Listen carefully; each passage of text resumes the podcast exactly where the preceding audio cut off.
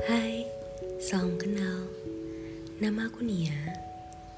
Ini adalah podcast pertama aku yang akhirnya tidak berujung di draft atau buruknya hanya berakhir di tempat sampah. Kenapa aku memutuskan untuk bikin podcast?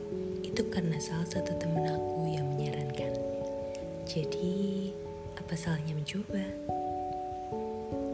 Di podcastku ke depannya, aku mau cerita tentang segala aspek kehidupan dan kerendeman hidup. Tapi kisah ini gak selalu tentang aku. Bisa jadi tentang kamu atau orang terdekat yang terwakili dengan cerita ini. Jadi, sampai berjumpa di kisah-kisah lain selanjutnya.